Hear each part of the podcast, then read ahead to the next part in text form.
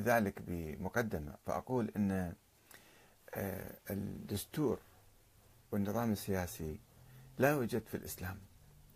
القرآن الكريم لم ينص على دستور لنظام الحكم ولم ينص على حق فئة من الناس بأن تحكم العالم كله. آه، ولم يتحدث عن آه، كيفية النظام السياسي. وكيف يأتي الحاكم وما يشرط الحاكم ومن أي قبيلة بأبناء فاطمة أو لا بأبناء علي أو بني هاشم أو قريش أو كذا. كل هذا الحديث ما موجود في الإسلام. لا القرآن تحدث عنه ولا النبي الأكرم تحدث عن ذلك. وعندما توفي الرسول الأكرم صلى الله عليه وسلم بادر الأنصار بصورة عفوية إلى الاجتماع في سقيفة بني ساعدة واختيار أمير لهم كما كانوا يعدون قبل مجيء النبي لعبد الله بن أبي أن يكون ملكا عليهم. كانوا يريدون أن يتوجوه كملك أو أمير على يثرب على هاي المدينة. آه، فسارعوا بعد وفاة الرسول إلى اختيار أمير لهم. ثم دخل المهاجرون إلى سقيفة بني ساعدة وحاججوهم وقالوا لهم بأن الآن توجد دولة تقريبا شبه دولة إسلامية. وأن العرب آه، غير مستعدين للانصياع لكم. أنتم راح تصيروا إمارة وحدكم والعرب راح يتفرقون عنا. فنحن أولى بالإمارة منكم.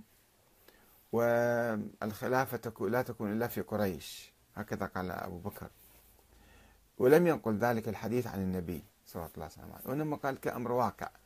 أن العرب تسمع وتطيع لقريش. قريش كان لها منزلة عظيمة عند العرب قبل الإسلام حتى. فإذا اتفقوا على أن ينتخبوا أبا بكر. و يعني سيطر القرشيون آه، يعني على الخلافة لقرون من الزمن. أول شيء أبو بكر عمر عثمان علي بن أبي طالب الحسن. الأمويون جاءوا أيضا وقالوا نحن أيضا من قريش فنحن أيضا يحق لنا أن نحكم. وحكموا تحت ظل هذا الشعار أن الخلافة في قريش. والعباسيون بعدهم جاءوا أيضا قالوا نحن ليس قريش فقط وإنما نحن عترة الرسول. فاختلفوا مع الأمويين حول حصر الخلافة والإمامة في العترة كتاب الله وعترتي. قالوا أن النبي ترك شيئين إني تارك فيكم الثقلين أو الثقلين كتاب الله وعترتي أهل بيتي. طبعا العربيين العباسيين لم يقولوا أهل بيتي قالوا عترتي. فنحن من العترة عترة يعني العشيرة فنحن أحق بالحكم الأمويين وحكموا قرون من الزمن. العلويين في نفس الوقت قالوا لا آه ليس عترة بصورة مطلقة وإنما أهل البيت. الكيسانية قالوا أن محمد بن حنفية هو ابن علي بن أبي طالب وبالتالي أيضا من قريش وبالتالي هو يحق له أن يكون خليفة وحاكما. أبناء فاطمة قالوا لا أنتم أبناء علي ما خصكم بالحكم؟ والحكم فقط أن لأبناء فاطمة لأبناء الحسن والحسين وليس لمطلق أبناء علي. خلاف صار في داخل العائلة الواحدة. ثم آه، يعني تشرذم أهل البيت أيضا إلى عوائل وبيوت فكل بيت كان يدعي حصر الخلافة فيه ونفيها عن الآخرين. وبعضهم كان يقول لا الإمام هي شورى لعامة المسلمين. وقد تعرضنا في الحديث عن آه، رؤية الإمام علي وأهل البيت في القرن الأول وإيمانهم بالشورى وليس حصر الإمامة فيهم. وهذا عدة محاضرات ألقينا في هذا الموضوع. آه، والآن نحاول أن نتحدث عن الزيدية. الزيدية ابتدأوا من الإمام زيد بن علي. زيد بن علي آه، ابن علي بن الحسين قام بثورة سنة 122 على الأمويين. على هشام بن عبد الملك.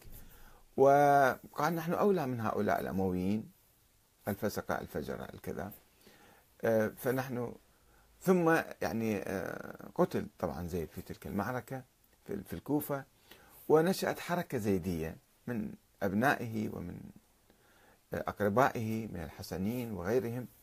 آه، التفوا حول هذا المفهوم أن أهل البيت أولى من غيرهم. وكانوا يؤمنون بالشورى ولو بعض الزيدية يجادلون اليوم كما أحد الأخوة تداخل اليوم معي عندما نشرت هذا المقال.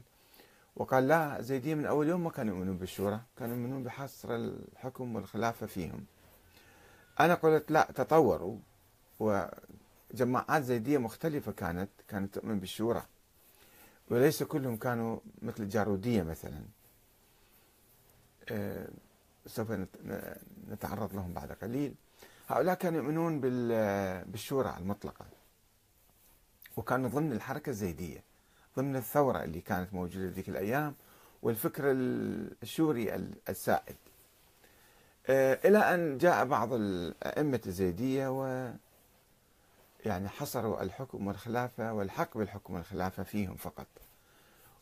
ونظروا مثل القاسم الرسي نظر إلى أن الله وضع هؤلاء آل البيت فوق الناس جميعا والناس لازم يطيعوهم هذول أسياد الناس.